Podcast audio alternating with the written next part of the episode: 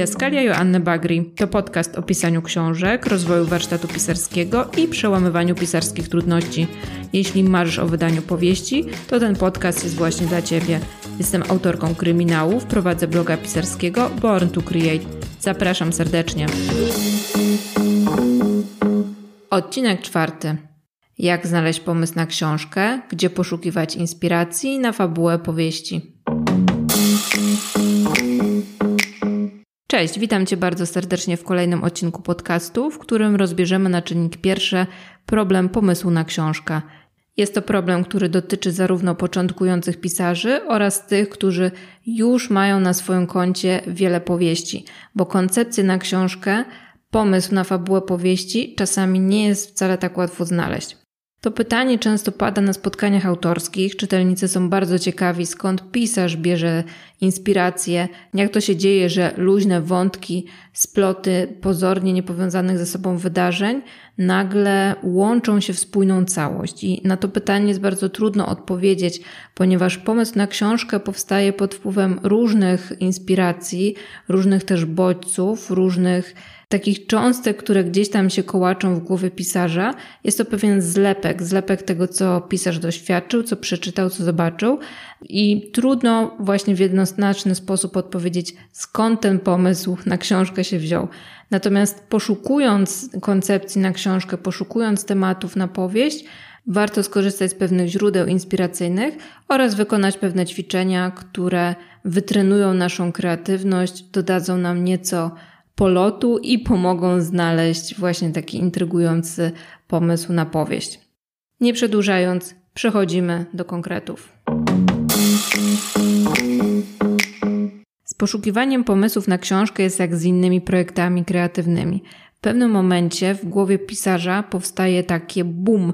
Pisarz może wyskoczyć z wanny niczym Archimedes i krzyknąć Eureka, mam koncepcję, mam temat na swoją nową książkę. Oczywiście takie olśnienie nie bierze się znikąd. Ono zawsze wynika z tego, co wpadło do głowy pisarza, co się w tym umyśle pisarza kotłowało i jak się te luźne wątki, luźne pewne pomyśliki przekształciły w jeden konkretny, fajny pomysł na książkę. Zastanawiając się nad tym, skąd można czerpać inspirację na swoją książkę i poszukując wskazówek dla Ciebie, wpadłam na takich 8 źródeł, z których możesz czerpać na etapie pisania powieści. Pierwsze źródło to twórczość innych pisarzy, innych autorów. To nic złego wzorować się na czyjejś twórczości. Warto podczas czytania ulubionych książek zwracać uwagę na pomysły, na koncepcje, na które wpadli nasi konkurenci albo po prostu inni pisarze i zastanawiać się, jak można by było tą fabułę ulepszyć, co by można było w niej poprawić, żeby była jeszcze ciekawsza, jeszcze bardziej interesująca. Czytając książki, często możemy wyłapać pewne mankamenty i w ten sposób możemy się uczyć na czyichś błędach. To znaczy, jeżeli nam coś w tej powieści nie pasowało, warto też przeczytać recenzje innych czytelników. Jeżeli inni czytelnicy mają podobne zdanie na ten temat, no to warto na przykład to wykorzystać jako pomysł na własną książkę, jako przygotowanie pewnej fabuły z ominięciem błędów, które popełnili inni pisarze. Także to jest na pewno dosyć takie fajne źródło inspiracji i z niego możemy wyciągnąć bardzo dużo ciekawych wątków na naszą powieść, czy też tematów na, na nową książkę. Warto też przeglądać trendy na rynku książki, nawet jeśli chcesz być takim zupełnie niezależnym pisarzem i nie chcesz pisać jakby pod publikę, pisać pod słupki sprzedaży, tylko zależy Ci na pisaniu, opisywaniu tematów, które są dla Ciebie ważne czy istotne.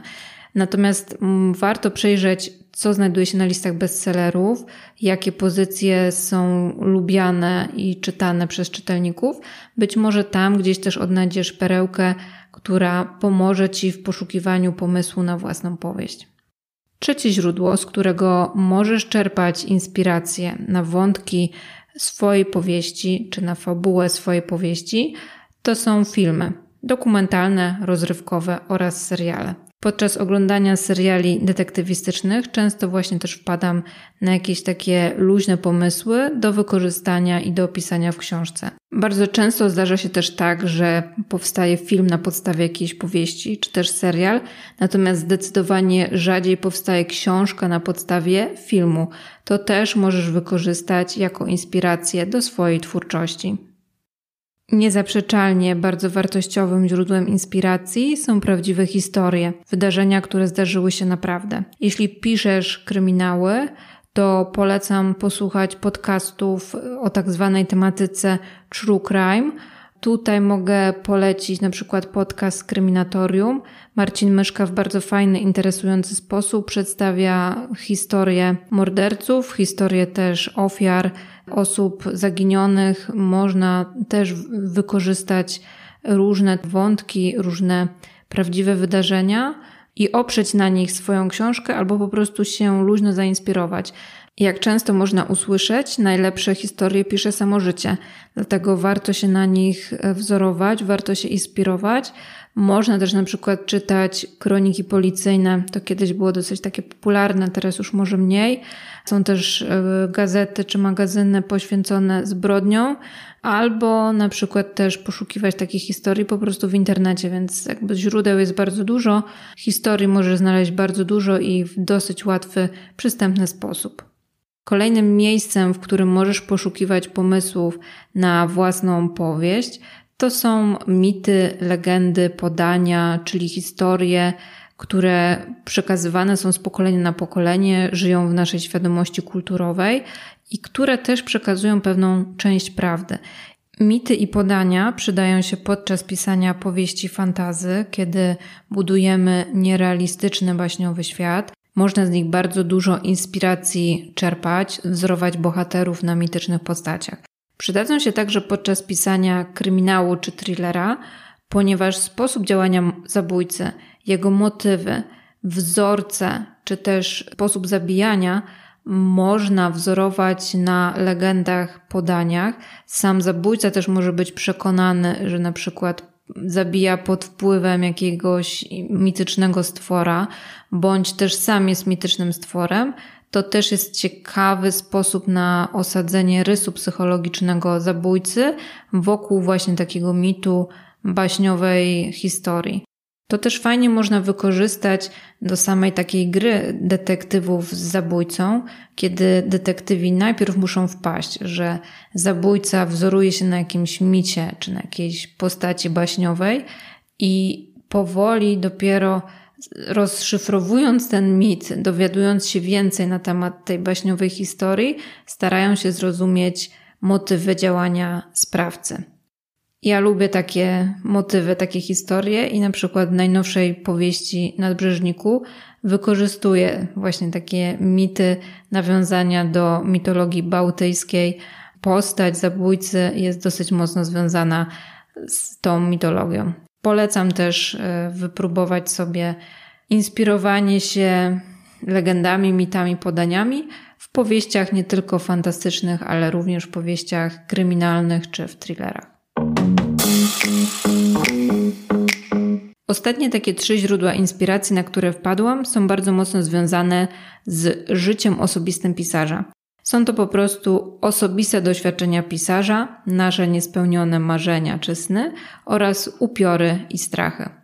I zacznijmy od tych naszych osobistych doświadczeń. Jeżeli czegoś doświadczyłeś, jeżeli coś przeżyłeś, znalazłeś się w trudnej, niepokojącej sytuacji i towarzyszyły ci bardzo silne emocje, to być może ich opisanie będzie dla ciebie dużym problemem, być może ich opisanie pomoże ci się uporać z pewną traumą, ale będzie to coś unikalne, rzeczywiste, w stu procentach prawdziwe. Będziesz pisać o tym, co sam czułeś, nie będziesz musiał się wczuwać w rolę postaci. Nie będziesz musiał sobie wyobrażać, jakie emocje mogą jej towarzyszyć, bo po prostu opiszesz swoje własne wrażenia. To z pewnością jest takie bardzo mocne źródło inspiracji. Oczywiście nie każdy pisarz ma takie porywające życie, żeby opisywać to, co mu się zdarzyło. Niektórzy mają oczywiście to szczęście, jeżdżą po świecie, różne sytuacje ich spotykają i mogą te wydarzenia opisywać. Zawsze też warto czerpać z takich zwykłych, codziennych sytuacji inspiracje i starać się znaleźć miejsce w swojej książce na ich opis, bo to, co przeżyliśmy, to jest w 100% realne i w 100% prawdziwe, rzeczywiste. Czytelnicy to doceniają. Następnie mamy nasze niespełnione marzenia. Każdy z nas marzy o różnych rzeczach. Część z tych marzeń udaje nam się zrealizować, a część nie. Więc jeżeli masz takie silne pragnienia, marzenia, które chciałbyś spełnić, natomiast z jakichś powodów nie możesz ich spełnić, dlatego że no, musisz wykonywać pracę zawodową, albo twoje życie potoczyło się w taki, a nie inny sposób, nic nie stoi na przeszkodzie, abyś wykreował bohatera, które będzie stanowiło twoje takie alter ego, twoje odbicie, udoskonalić tego bohatera, dodać mu cech, których zawsze ci brakowało, a które zawsze chciałeś mieć i poprowadzić go ścieżką do osiągnięcia marzenia, które jest twoim takim silnym pragnieniem. Jak najbardziej jest na to miejsce w twojej książce. Opisywać też możesz swoje strachy i upiory, czyli to, czego się boisz teraz, czego się bałeś w dzieciństwie, swoje fobie, swoje różne traumy, to też będą takie bardzo rzeczywiste, bardzo prawdziwe opisy. Warto też na tym bazować, szczególnie jeżeli piszesz horrory albo takie thrillery. Silne emocje zawsze udzielają się czytelnikom. To by były już wszystkie główne źródła inspiracji książkowych.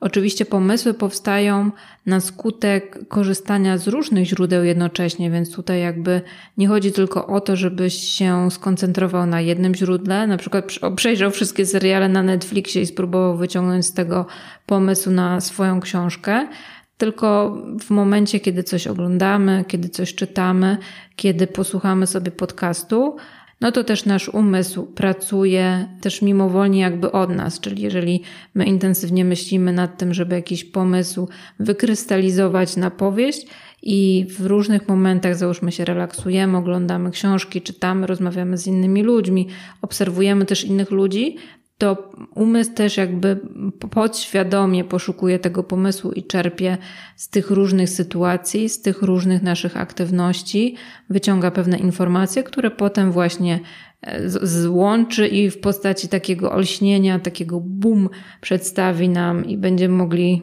krzyczeć Eureka, mam pomysł na książkę.